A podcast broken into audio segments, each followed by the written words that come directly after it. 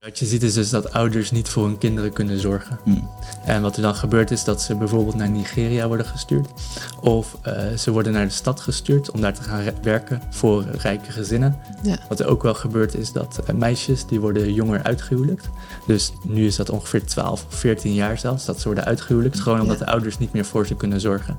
Of kinderen die worden dus van school gehaald omdat school gewoon te duur is. Leuk dat je weer kijkt naar Werelddelen, de podcast. De podcast over de wereld, over delen en over hoop. In deze serie bespreken we een aantal van de projectlanden van Woord en Daad. We zitten weer in Deelcafé de Buurman. En eh, vandaag gaan we het hebben over, eh, over Benin. Dus ik heb er zin in vandaag. Ja, Wat eh, kunnen we verwachten?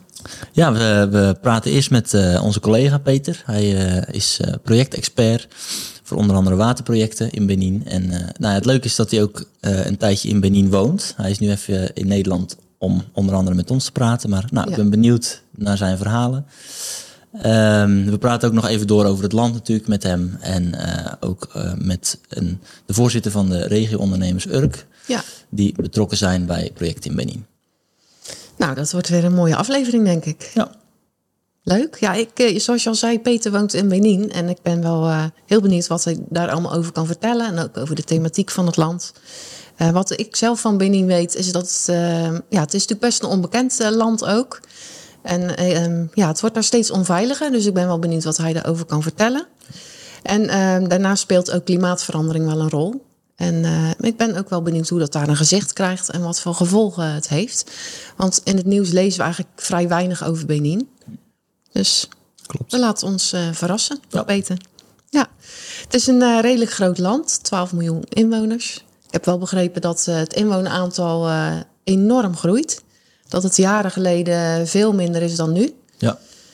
Ehm, en het is ook een kolonie van Frankrijk geweest. Ja. Ehm, dus de voertaal is nog steeds Frans.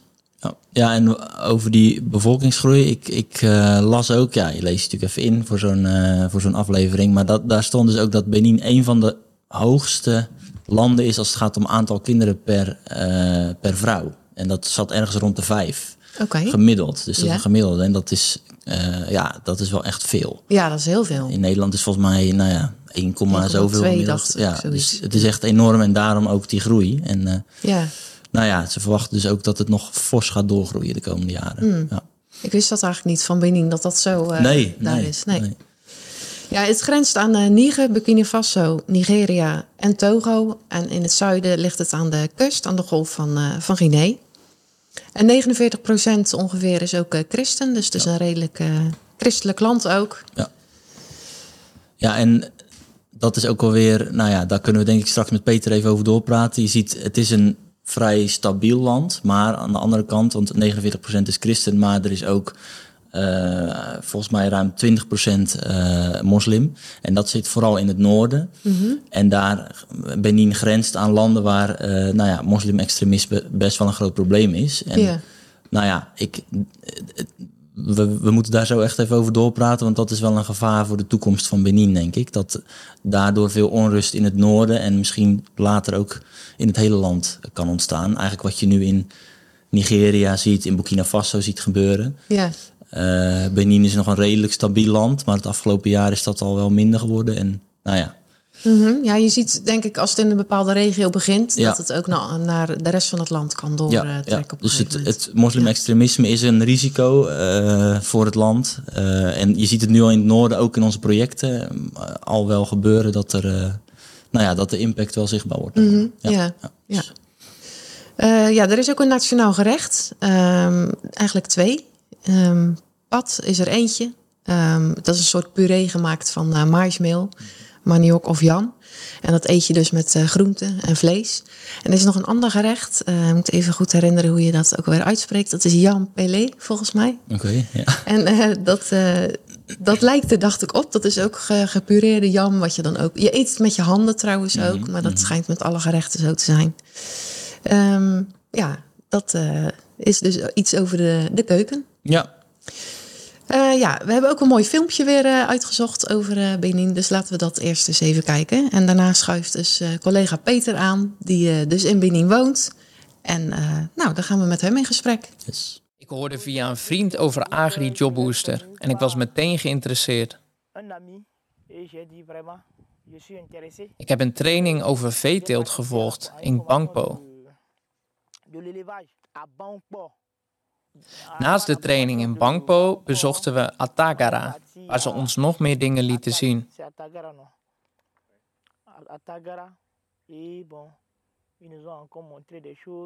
We keken, we observeerden en we stelden vragen. En we zeiden, we moeten ergens beginnen.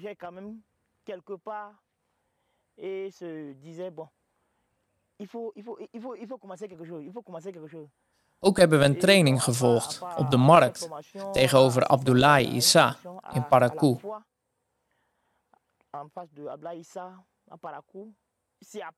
Toen ik thuis kwam, zei ik tegen mijn oma: Ik kan niet meer stilzitten. Ook al heb ik niets, ik ga tenminste mijn kracht gebruiken om dit jaar te starten in de tuinbouw. Dat is wat ik wil.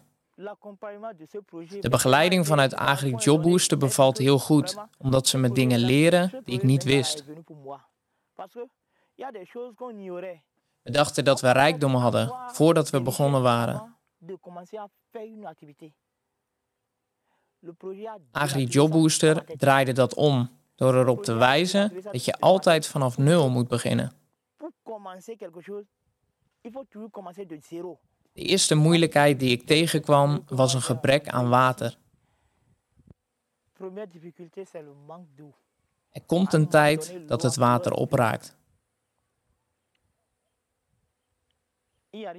Er zijn zelfs dagen dat ik een deel van de gewassen water geef en een deel niet. Dat heeft gevolgen voor hoe de planten groeien.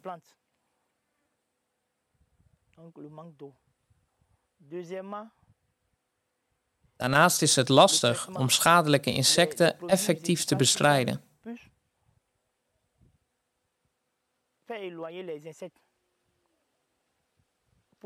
Dat zijn mijn twee grootste uitdagingen: watertekort en gewasbescherming.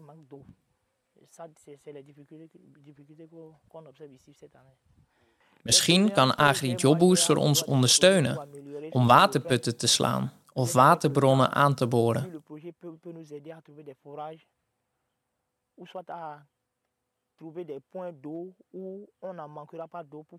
Dat zal ons vooruit helpen. Wat leuk, Peter, dat je bent aangeschoven. Helemaal uh, uit Benin. Welkom. Je bent nu uh, eventjes in Nederland en uh, je vertrekt binnenkort weer naar, naar Benin. Dus leuk dat je precies voor deze podcast hier kan zijn. Dank je wel. daarvoor. Um, ja, je hebt ook het, het filmpje gezien net. Um, ja, dat gaat dus over een, een jongen die, um, ja, die graag een onderneming wil, wil beginnen. En hij vertelt dus hoe moeilijk het is om, om aan het werk te gaan. Um, ja, hij zegt bijvoorbeeld zoiets van: je moet ergens beginnen. En um, ook al heb ik niets, ik ga mijn kracht gebruiken. Dat, ja. ja. dat geeft voor mij een beetje aan van: zijn er daar weinig mogelijkheden? Waar komt dat vandaan dat hij dat zegt? Ja, nou, ik vind het mooi om te zien hoe hij blij is met wat hij geleerd heeft. Maar hij geeft ook duidelijk aan dat het uh, water is waar hij een tekort aan heeft. En dat komt omdat in Benin is een behoorlijk moeilijk klimaat, een uitdagend klimaat voor landbouw. Dus je hebt een erg sterk regenseizoen en een sterk droogseizoen. En bijvoorbeeld in Benin in het hele jaar valt anderhalf keer zoveel water als in Nederland. Maar dat valt allemaal okay. in het regenseizoen. Hm. Dus in bijvoorbeeld augustus valt al een derde van alles wat er in Nederland valt.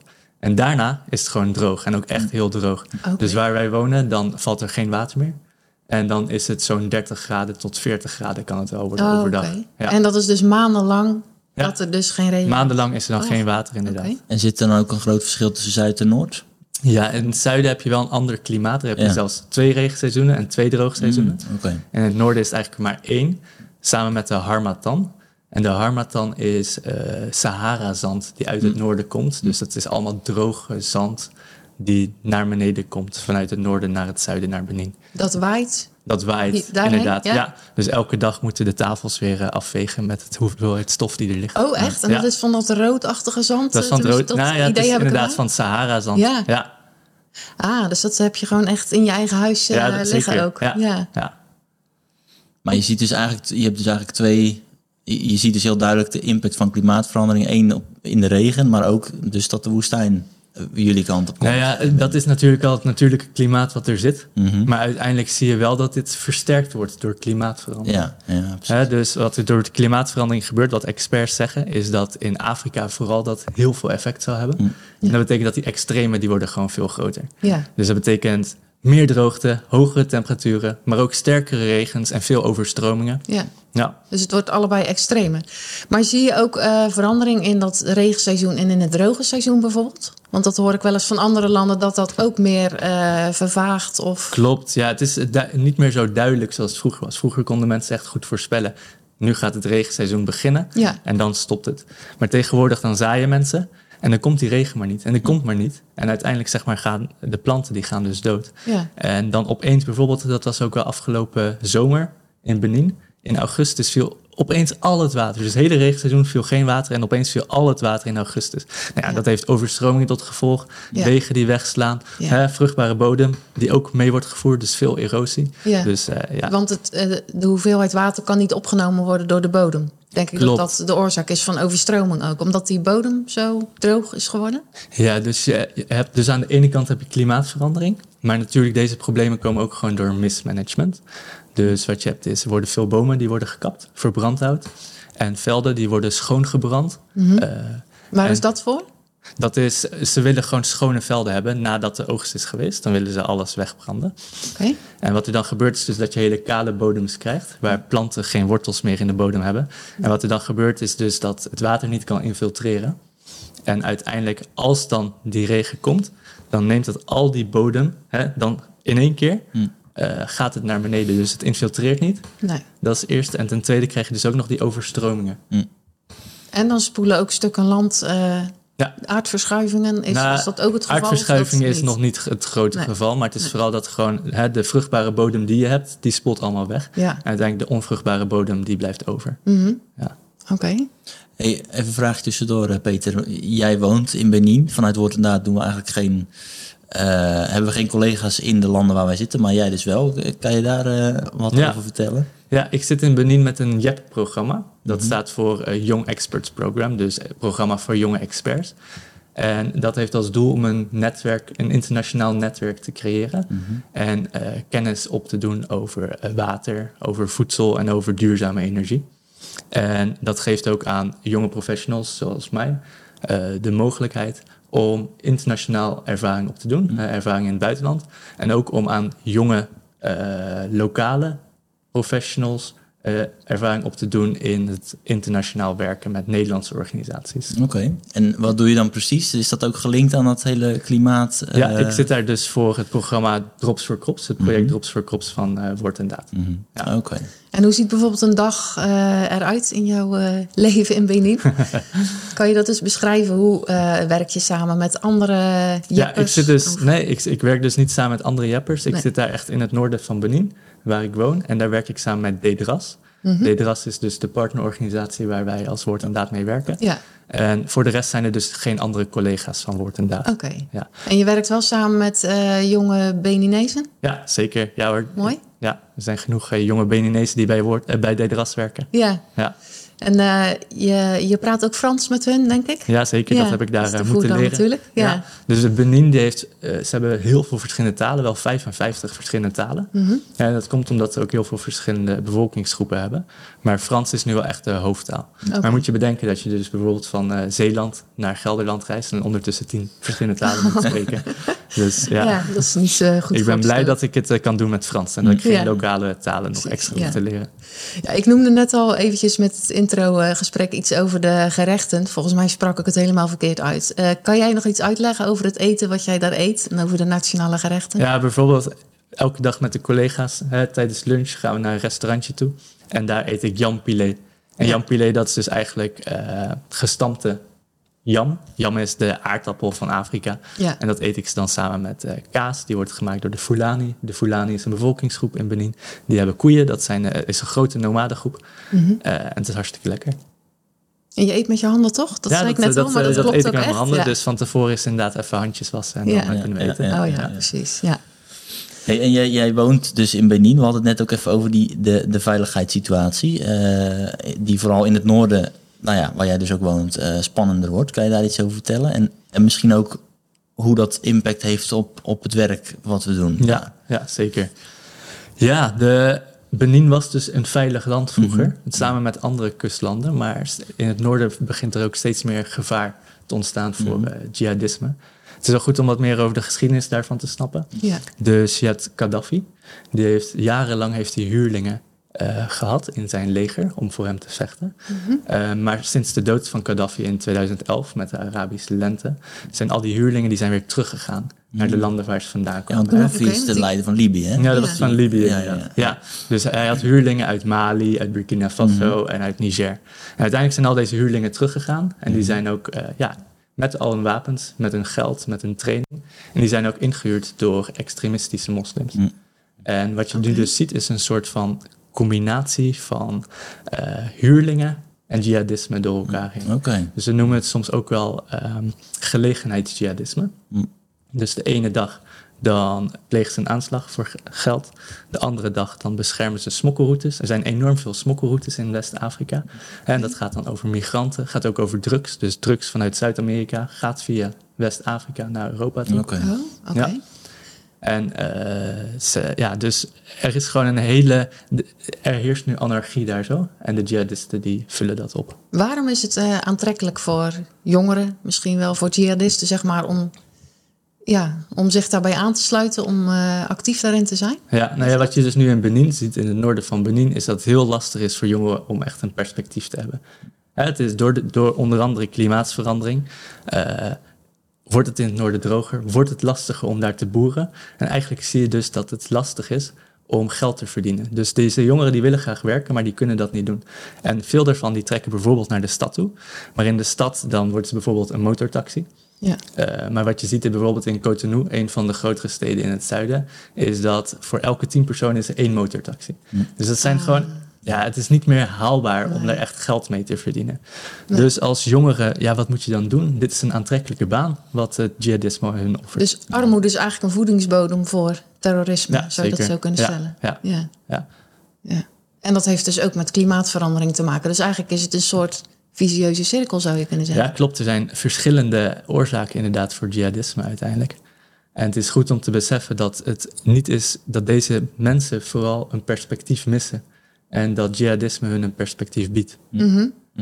Ja. ja, des te mooier vind ik eigenlijk die jongen uit het filmpje. Dat hij zegt, ik heb niks, maar ik ga toch iets doen. Ja, ik ga toch zeker. iets beginnen, ik ga mijn kracht gebruiken. Dat vind ik dan eigenlijk heel, ja, heel, wel echt heel mooi om te horen. Ja, nou ja, hij krijgt dus een kans. Hij heeft een mogelijkheid gevonden om wel wat te doen. Ja, Inderdaad. En hij wil graag werken en hij heeft die Ja. mogelijkheid. Ja, want, want eh, jij, jij zit daar, eh, je werkt eh, met onze partner Dedras. Maar Ja. kun je iets uitleggen over, hè, want ja, die bieden ook perspectief, maar hoe, uiteraard op een andere manier. Hoe doen we dat? Hoe, eh, wat is het werk van Woord en Daad in eh, Benin? Nee, we werken dus samen met Dedras. En Dedras die is eh, begonnen uiteindelijk vanuit de Unie van Protestantse Kerken in Benin. Dus eh, die, de, de kerkgangers die wilden een liefdadigheidsinstantie beginnen. En uiteindelijk is Dedras eruit voortgekomen. En inmiddels is dat gewoon een professionele eh, ontwikkelingsorganisatie. Maar die christelijke boodschap die zit er nog diep in van het helpen van je naasten. En wat we bij de, eh, met Woord en Daad samen met Dedras doen, is projecten op het gebied van educatie, op het gebied van landbouw. En daarmee hopen we uiteindelijk dat eh, er baangarantie komt, dat ja, mensen inkomen kunnen hebben. ja, en de christelijke identiteit kan ook meegenomen worden in de projecten, in het onderwijsproject, in de projecten waar jij bij betrokken bent. Ja, dat is dus vooral op de manier, de, hè, die, die visie van er zijn voor je naasten, die zit heel diep in dit rad. Ja, precies. Ja. Weet jij dat, hoe dat bij het onderwijsproject zit? Ja, Dedras werkt samen met heel veel scholen en, en ehm, ehm, ook een aantal christelijke scholen. Eh, maar ook een aantal scholen van de overheid, waar ze dan wel aanvullend eh, christelijk onderwijs geven. Of, of nou ja, in sommige gebieden is het dus echt lastiger dan in, eh, bijvoorbeeld in het zuiden is dat makkelijker dan in het, in het noorden. En wat er ook wel gebeurt de afgelopen tijd, de afgelopen jaren, is dat er veel kinderen die dicht bij de grens wonen, dan opeens een maand of twee maanden weg zijn. En die zitten dan in Nigeria of in Niger of nou ja. Eh, Hoe komt dat dan? Die zijn dan opeens weg en dan komen ze ook opeens weer terug. Nou ja, dat zijn dan ouders die op dat moment in Benin even geen mogelijkheden meer zagen. En over de grens gaan zoeken naar inkomsten, naar Oh Ja. werk. Naar, nou ja, dus dat is best een groot probleem aan de grensregio's. Mhm, ja. Ehm, en ja, ik weet niet of jij dat, jij zit natuurlijk in die regio, of je dat ook herkent. Klopt, zeker. Nou, wat je ziet is dus dat ouders niet voor hun kinderen kunnen zorgen. Hm. En wat er dan gebeurt is dat ze bijvoorbeeld naar Nigeria worden gestuurd. Of eh, ze worden naar de stad gestuurd om daar te gaan re- werken voor rijke gezinnen. ja. Wat er ook wel gebeurt is dat eh, meisjes die worden jonger uitgehuwelijkt. Dus nu is dat ongeveer 12 of 14 jaar zelfs dat ze worden uitgehuwelijkt. Gewoon omdat de ouders niet meer voor ze kunnen zorgen. Of kinderen die worden dus van school gehaald omdat school gewoon te duur is. Ja, en dan moeten ze werken waarschijnlijk. Ja. Ja. Ja. Ja, en dat is ook een project waar we nu mee eh, gaan beginnen hè, in, eh, in Benin. Om eh, ja, de, de, de kinderuitbuiting op vrij jonge leeftijd, hè, dus inderdaad 12, eh, Ja. eh, tegen te gaan. Want ja, wat je ook veel ziet, eh, en daar hebben we het in de aflevering over Burkina Faso en Ethiopië ook al over gehad, is dat ook in Benin veel kinderen in, eh, in, hui- in huizen terechtkomen bij gezinnen om huishoudelijk werk te doen. En dat eh, loopt nou, lang niet altijd eh, goed. Nee, nee. Dus ook daar zijn we in Benin nu mee bezig. ja. Ja. ja, zo zie je dat armoede echt veel gevolgen heeft. Hè? Of klimaatverandering eigenlijk ook. Dat alles met elkaar samenhangt. Ja. Ja. Ehm, nog even terug op, ehm jij bent ook betrokken bij landbouwprojecten met water. Ehm, wat voor soort gewassen moeten we denken? Even ook voor de kijker en de luisteraar om even een beeld te schetsen van eh, wat zien we daar op het, eh, op het veld staan. Eh, Ja, ja. Dus als in het Drops Crops project focussen we vooral op groenten. Dus dat betekent wortel, tomaat, ui, kool en nog eentje. Maar dat zijn ook wel Ja. gewassen die veel water nodig Peper hebben. is het. Peper, ja, oké. Ja, ja. Ja. het zijn gewassen die water nodig hebben. Ja. Klopt, ja. En eh, zijn die dan bedoeld voor eh, de mensen zelf of ook om eh, geëxporteerd te worden? Hoe Ja, uiteindelijk wat ze zien is het probleem is dat veel boeren die, hebben, die zijn dus afgelegen en hebben geen contact met de markt of geen toegang tot de markt. Ja, dus zaden of kunstmest, dat kunnen ze niet krijgen. Een ander probleem is dus dat als ze producten hebben, dat ze dat uiteindelijk niet kunnen verkopen op de markt. En dus dat derde probleem nog is dat ze alleen maar het regenseizoen hebben en afhankelijk zijn van regenwater. Ja. Dus tijdens het droogseizoen kunnen ze uiteindelijk niks oogsten. Eh, en het Drops for Crops project reageert daarop door een instantie, een organisatie te creëren, die uiteindelijk fungeert als een soort van brug tussen de boeren en de markt. Eh, dus de, deze organisatie die geeft de kunstmest, de zaden, eh, de pompen en irrigatiemateriaal aan de boeren. Mhm. De boeren geven vervolgens na de oogst hun gewassen aan deze organisatie, die het verkoopt op de markt en een gedeelte van de winst inhoudt voor eh, de terugbetaling van deze dingen. Ja, dat is een mooie, mooie regeling zo, denk ik. Ja, Ja, want voor boeren zelf is het denk ik heel moeilijk om markttoegang te klopt, vinden. zeker. Ja. Ja. Oké, mooi. Ja. Hey, ehm, ja, jij woont dus in Be- Benin. Wat is voor de kijker, de luisteraar nou echt leuk om te weten? Dat ze echt een beeld bij hebben van zo ziet het eruit. Of wat zijn nog leuke dingen voor... eh, wat moet je dus echt weten over dit land? Nou, ja, Benin is heel warm, dus ik heb het nu in Nederland wel een beetje koud, moet ik zeggen. ja, Wat ook goed om te weten is dat relaties zijn echt heel belangrijk. Hè, dus in Nederland kunnen we heel doelgericht soms zijn en gewoon actie willen. Maar in Benin moet je altijd het gesprek beginnen met... hey, hoe gaat het met je? En met je vrouw? En met je man? Ja. En met je kinderen? Ja. En al die vragen die komen ook weer terug. Mhm. En soms telefoongesprekken die ik s'avonds krijg van collega's... dan heb ik ze de hele dag gezien. Maar dan s'avonds, dan vragen ze weer precies dezelfde vragen. ja. En eh, dat is ook het hele telefoongesprek waar ik als Nederlanders vaak zit te wachten. hey, komt het nog? Waar Ja. wil je naartoe? Moet ik Ja. nog een mailtje versturen? Wil je nog een document zien? Ja, ja, Mooi eigenlijk wel. Ja, zeker. ze Ja. zoeken echt verbinding. eh. Ja. En wat je dus ook ziet is dus omdat relaties zo belangrijk zijn, is dat ook waar je vooral in investeert. En dus bijvoorbeeld ook kinderen, die zijn ook heel belangrijk om te krijgen. Want uiteindelijk wil je je toekomst, doe je vooral eh, door relaties. En ook kinderen die uiteindelijk weer voor jou zorgen. Ja.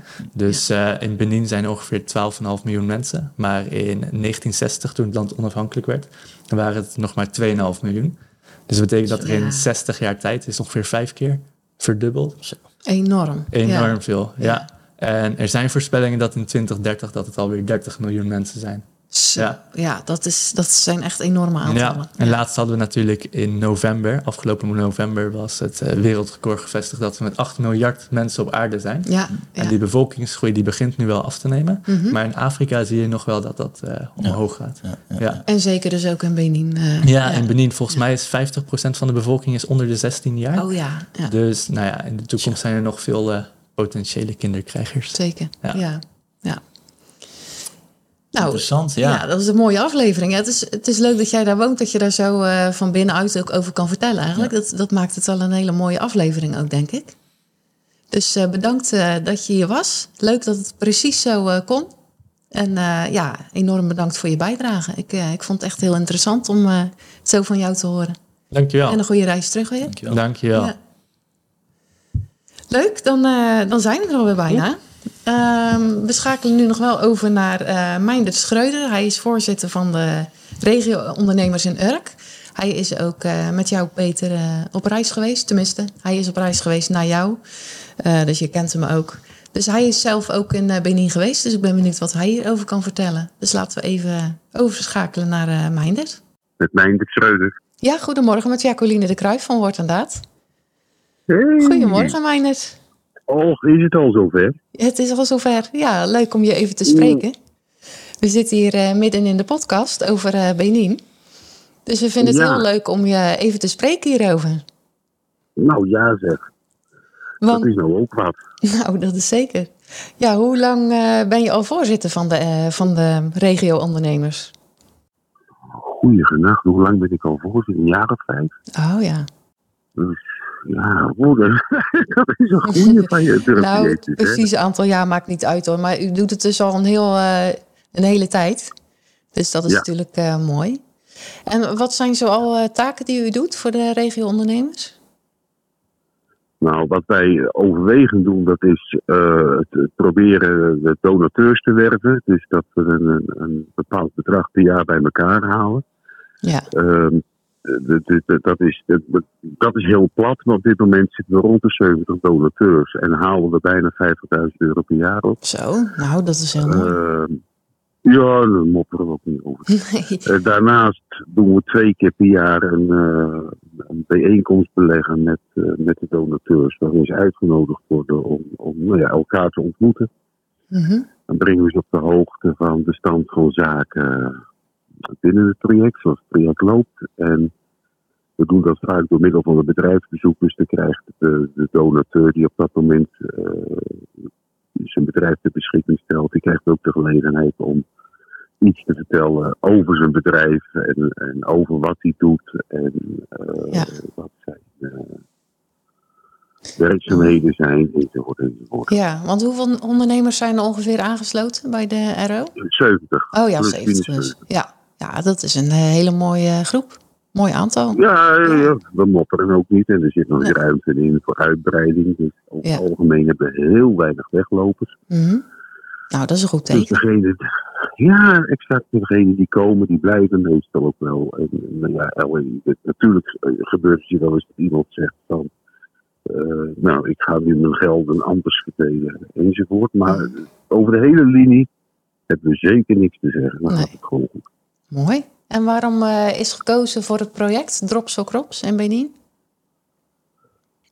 Nou, dat is meer een voorstel geweest van, eh, van woord en daad uit. We, we hadden een voedselzekerheidsproject, dat was het eerste. Ja. Eh, dat trok ons wel. En Benin, nou, ben je eenmaal betrokken bij Benin, de Drops for Crops, sorry, dat voedselzekerheidsproject is afgerond in 2018, meen ik. Mhm. En toen zijn we overgeschakeld, toen zijn we gevraagd om het eh, traject Drops for Crops te ondersteunen. En eh, daar hebben we ja op gezegd. Ja. En, waarom niet? Ik bedoel, eh, ook dat moeten ze, ook daar hebben ze hulp bij nodig. Zeker. Dat klinkt heel badinerend, denk ik opeens. Maar Ja. eh, daar konden ze hulp goed bij gebruiken, laat Mhm. ik het zo zeggen. ja, precies. Ja. En daarvan hebben wij gezegd van nou, dat, dat ligt ons wel. Waarom, waarom zouden we dat niet doen? Dus, Mhm. dus daar zijn we meegegaan. Mooi. Ja, en je bent zelf ook in Benin geweest, hè? Begin eh, Ja, van dit jaar, begin malen. 2022. Zou je daar eens Ja. wat over kunnen vertellen? Wat viel je op? Wat heb je gezien? Eh, ja, dat, wat je elke keer weer opvalt is als je, wanneer je in Benin bent, is het weergaloos grote verschil tussen ons land en Benin. Ja. Uh, het verschil in cultuur, het verschil in, in ontwikkeling, het verschil in beleving. Uh, het is een Mhm. volledig ander land. Ik heb, ik heb eh, van de week nog even in gesprek met iemand even laten zien als, als we kijken naar de ranglijst van, van landen, van welvarende landen. Daar staat Nederland op dit moment op nummer 7 volgens Mhm. mij. Ja. Met een, eh, met een gemiddeld inkomen van, van ergens in de 50.000 euro. Ja. En als je dan naar Benin kijkt en je ziet dat daar het gemiddelde inkomen op jaarbasis eh, nou, nog- geen 5% daarvan is. Mhm. Dus dat het veel, vele malen lager ligt dan hier. Eh, de manier waarop men daar leeft en doet. Ja. Ja, wij is- maken ons druk. Wij maken ons druk over eh, hoe ziet mijn pensioen er over 40 jaar uit als je Mhm. 25 of 20 bent. Ja. Daar maken ze zich druk over. Heb ik eten voor vandaag en misschien voor morgen, dan is het mooi. Precies. Ja, dat is een hele andere manier van leven ook.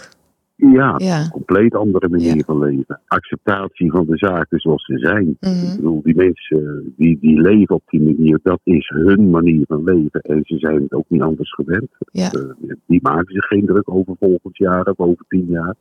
Nee. Nee, het is een hele andere wel, mentaliteit. maar ja, compleet anders. Ja. Ehm, of je ook nog iets kan beschrijven van hoe het er daaruit ziet, wat je gezien hebt. ja. Eh, eh, in, in welk opzicht? Kijk, het, het klimaat is natuurlijk compleet anders. Eh, De, de, de, het landschap is volledig anders. De manier van wonen is volledig anders. Waar wij in onze luxe eh, paden en, en eh, alle dingen die wij normaal vinden, die daar heel bijzonder zijn. Het, het, het, het land is op zich geweldig. Ik, ik hou van Afrika, dus dat, dat telt mee.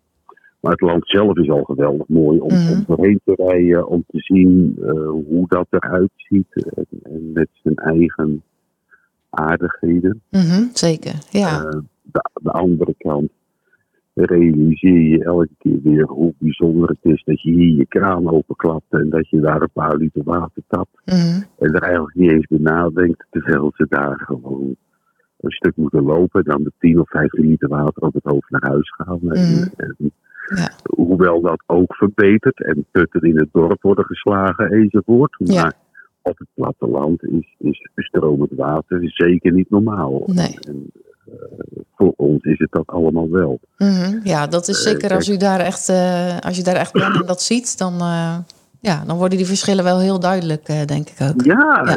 Die, worden zeker heel duidelijk. Ja, leuk dat u hier wat eh, over kunt vertellen. Ook omdat, omdat je er zelf eh, geweest bent natuurlijk ook. Dus ehm, ja, heel erg bedankt dat je wat wilde vertellen hierover voor deze podcast. Leuk eh, om het te horen allemaal. Ehm, dan gaan wij weer eh, verder met eh, de opname. En dan eh, wil ik je hartelijk bedanken voor je tijd en voor alles wat je verteld hebt. Nou ja, graag gedaan. En, Ja. ik zou zeggen, ga zelf ook eens een keer heen, joh. Nou, leuk. als het kan, graag. Zeker, ja. Leuk. Maar bedankt voor je tijd. Nou, graag en gedaan. je informatie. Is goed. Is tot goed. ziens. Nee, succes. Bedankt. Dag. Doei, doei. Nou, dat was leuk om Meindert even te spreken Ja, hierover. zeker, Ja. zeker. En ook een leuke, eh, leuke aflevering vond ik weer interessant. Eh, Peter die er natuurlijk woont, dus Mhm. eh, is toch net weer ja, wat inside information, zullen we maar zeggen. En Zeker, ja. Benin was ook een, ja, is voor mij toch een wat onbekende land. Ja. Ook al werken we er best wel al lang en met aardig wat projecten Mhm. bij wordt inderdaad, maar ja, het is toch een land waar je niet zoveel van hoort. Dus ik vond Nee. het interessant om daar wat meer over te weten. Ik vond het ook echt een leuke aflevering. Ja. Mooi. En eh, volgende keer eh, Sri Lanka aan de beurt. Dus eh, daar ben ik ook weer benieuwd naar. Weer een heel ander land. Ja, dus ik ben ook zeker. benieuwd naar. Ja. Mooi, leuk. Leuk dat je weer luisterde naar Werelddelen, de podcast. Als je dit nou een interessante aflevering vond of je hebt een opmerking, mail dan naar podcast.woordendaad.nl. En over twee weken zijn wij weer met een nieuwe aflevering. Tot dan!